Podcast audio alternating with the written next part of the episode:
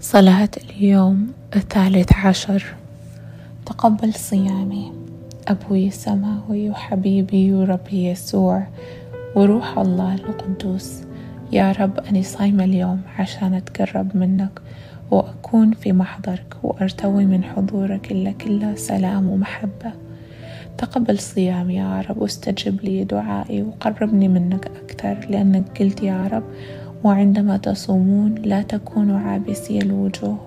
المنافقون الذين يغيرون وجوههم لكي يظهروا للناس أنهم صائمين. الحق أقول لكم أنهم قد نالوا مكافأتهم أما أنت فعندما تصوم فاغسل وجهك وعطر رأسك لكي لا تظهر للناس انك صائم. بل لأبيك الذي في الخفاء وأبوك الذي يرى في الخفاء هو يكافئك.